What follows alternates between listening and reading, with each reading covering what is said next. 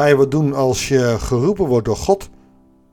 Of stap je uit en wil je wat gaan doen waardoor je hoopt dat God het zegent? Ik had gisteren nog een gesprek met iemand. Die zei: Ik wil wel weten, hè, die is een coach van mensen die uh, binnen de christelijke wereld wat wilden doen. Ik wil wel weten of mensen echt de sterke roeping hebben door God. Ik zeg: Hola, kan het ook niet anders? Kan je ook niet gewoon wat gaan doen, wetende dat God het zal zegenen? En uiteindelijk kwamen we wel tot elkaar en zeiden van ja, nee, dat, dat is ook zo. Um, alleen de vraag is of je het echt met God samen wil doen. Of je God erbij betrekt. En dat is wat uh, Salomo onder andere gaat doen. Alhoewel, hij werd geroepen, want het was geregeld. Maar uiteindelijk mocht hij het ook gewoon doen. En zou het gezegend worden door God. En dat gaan we vandaag lezen in een uitgebreide beschrijving van hoe de tempel eruit komt te zien. We gaan dus lezen hoe Salomo de bouw begint. Goeiedag, hartelijk welkom bij een nieuwe uitzending van het Bijbels dagboek. We lezen in 1 Koningen 6. 1 Koningen 6 vers 1 tot en met 18. In het 480ste jaar na de uittocht van Israëlieten, dus 480 jaar na de uittocht. Dus er zit 440 jaar voordat ze het volk binnenging. Dat is best wel heel veel gebeurd. Maar in die tijd heb je dus pas de derde koning. Je had koning Saul, je had koning David en je had koning Salomo. Dus dat betekent dat er toch zo'n 300 jaar uh, geen koning was. Dat er echt door richteren geregeerd werd. En dat door God geregeerd werd. God was ook helemaal niet blij dat er een koning kwam. Maar als er dan een koning komt, dan moet het een koning zijn naar Gods hart. Naar zijn hart. Nou, die is er nu in ieder geval. Salomo is dat. En Salomo gaat uh, beginnen met de maan, in de maand Ziv, Z-I-W. De tweede maand begon koning Salomo met de bouw van de tempel. De tempel die Salomo voor de Heer bouwde was 60 L lang. Het lijkt veel. Je, over het algemeen is een L dus van het topje van je middelvinger tot aan je elleboog. Dat is een L. Dat betekende dat hij uh, eh, 30 meter lang was. Ik denk dat in die tijd de L toch nog weer een andere uh, maat had. Want als je nu naar de klaagmuur kijkt, waren dat andere maten. Doet er niet toe. Er werd, uh, bepaalde maten werd gewoon gebruikt. Als overal de L maar even lang is, zou ik zeggen. Het mag ook een meter zijn. 20 L breed en 30 L hoog. Dus het is wel een heel hoog gebouw. De voorhal van de grote zaal was 20 L breed. En er besloeg dus de hele breedte van het gebouw en 10 L diep. Salomo verzag de tempel van vensters met kozijnen en traliewerk. En dan denk ik, oké, kozijnen, dat snap ik. Traliewerk snap ik niet helemaal. Dat is waarschijnlijk om niet iedereen via de ramen binnen te En dat kon wel via een huis, kon je zo in en er zaten wat gaten. Dat zijn dan, het was, het was veel opener. En, en dit wordt toch even weer wat, je moet via een bepaalde ingang naar binnen. Dat had ook met de rituelen te maken. Dus waarschijnlijk ook dat traliewerk daardoor. Rondom de tempel, dat wil zeggen langs de gevels van de grote zaal en de achterste zaal, liet hij een galerij met verdiepingen aanbrengen. Dan kon je lopen, daar waren de ingangen van de zijzaaltjes. De onderste galerij was 5 L breed, dus dat is een flinke, uh, brede, in verhouding in ieder geval, uh, gang. En de middelste 6 L en de bovenste 7 Dat kwam doordat de muren van de tempel aan de buitenkant insprongen, zodat er geen steunpunten in wilden uithakken. Uh, dus een soort trapsgewijze uh, muur kreeg je, zodat je geen steunberen nodig had. Dus de onderste was het smalste, maar daar is het de, de, de stadsmuur het breedst. Dan heb je 1 L uh, smaller, dus je bouwt als het ware een scheve muur in verschillende lagen. En er wouden geen steunpunten in wilden uithakken. Waarom niet? En dat staat dan tussen haakjes. Bij de bouw van de tempel werden alleen stenen gebruikt die al in de groeven waren afgewerkt. In de tempel was tijdens de bouw geen enkel geluid van hamers, houwelen of andere ijzeren gereedschappen te horen.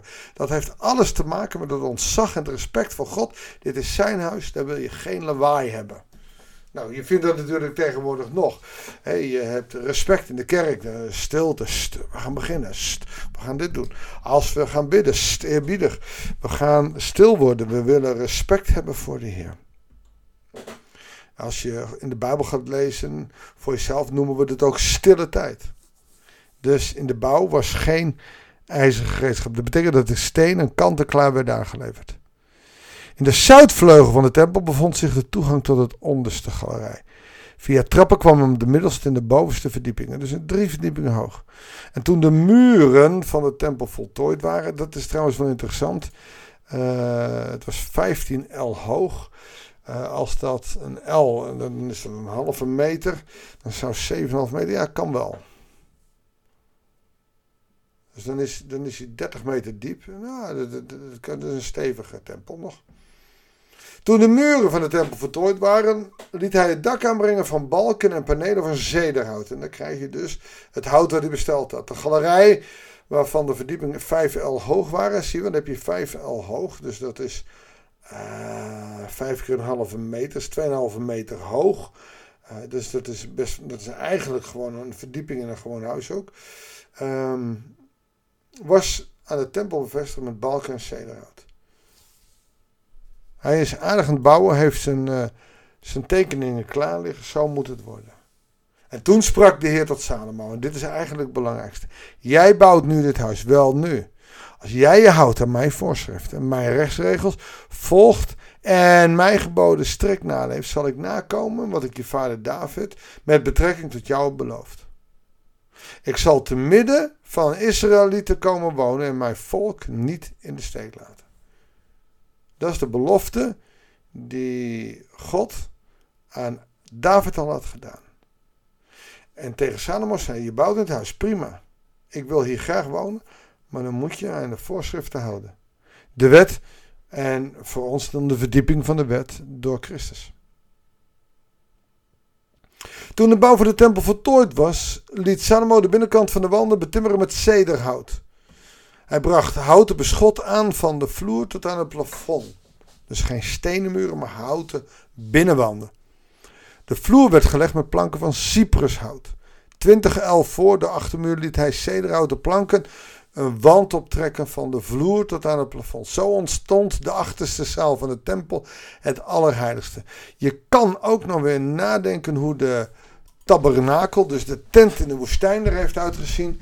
En, en feitelijk zijn de uh, formaten misschien wat anders, maar de verhoudingen en de indeling is eigenlijk een beetje hetzelfde.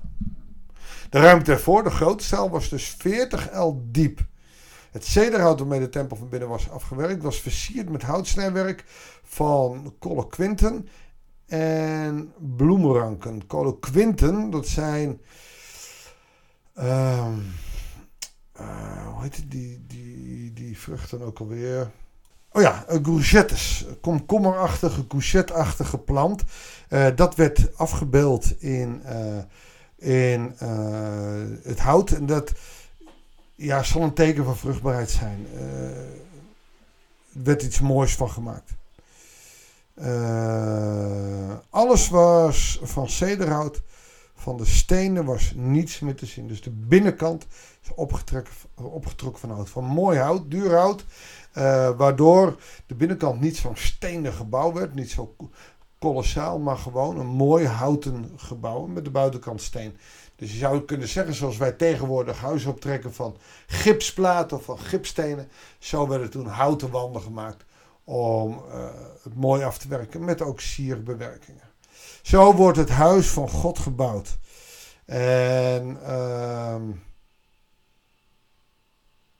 tijdens de bouw zegt God ook: houd je mij geboden en ik zal je zegenen. Jouw hart is het tempel van de Heilige Geest. Eigenlijk is dat tussenzinnetje, vers 11 en uh, tot en met 13. Toen sprak de Heer tot jou: Jouw huis, of mijn huis is in jou. Jij bouwt nu dit huis. Jouw hart is de tempel van de geest. Wel nu, als jij je aan mijn voorschriften houdt, mijn wil doet en mij zoekt, mijn rechtsregels volgt, uh, Jezus Christus en die gekruisigd. En mijn geboden strikt heeft, zal ik nakomen wat ik beloofd heb. En mijn betrekking tot jou uh, zal ik in het midden van jouw hart, in jouw leven, komen wonen. Uh, zoals ik bij Israël was gewoond, zal ik ook bij jou komen. Zo zou je die zin naar jezelf toe kunnen schrijven. Wil jij je hart aan Jezus geven? Laten we dan maar gewoon verbidden. Heere God, Vader in hemel. Wij hoeven ons hart niet eens te versieren met coloquinten. Wij mogen ons hart reinigen, zodat u kan wonen in ons hart. Heer, zegen ons en behoed ons en bewaar ons. Help ons om ons tempel zo te bouwen zoals Salomo ook die tempel bouwde, vol zorg. Dat het een plek mag zijn waar u tevreden kan zijn, waar u blij kan zijn. Wil ons zo zegenen, Heer God. Dat bidden we u in Jezus' naam. Amen.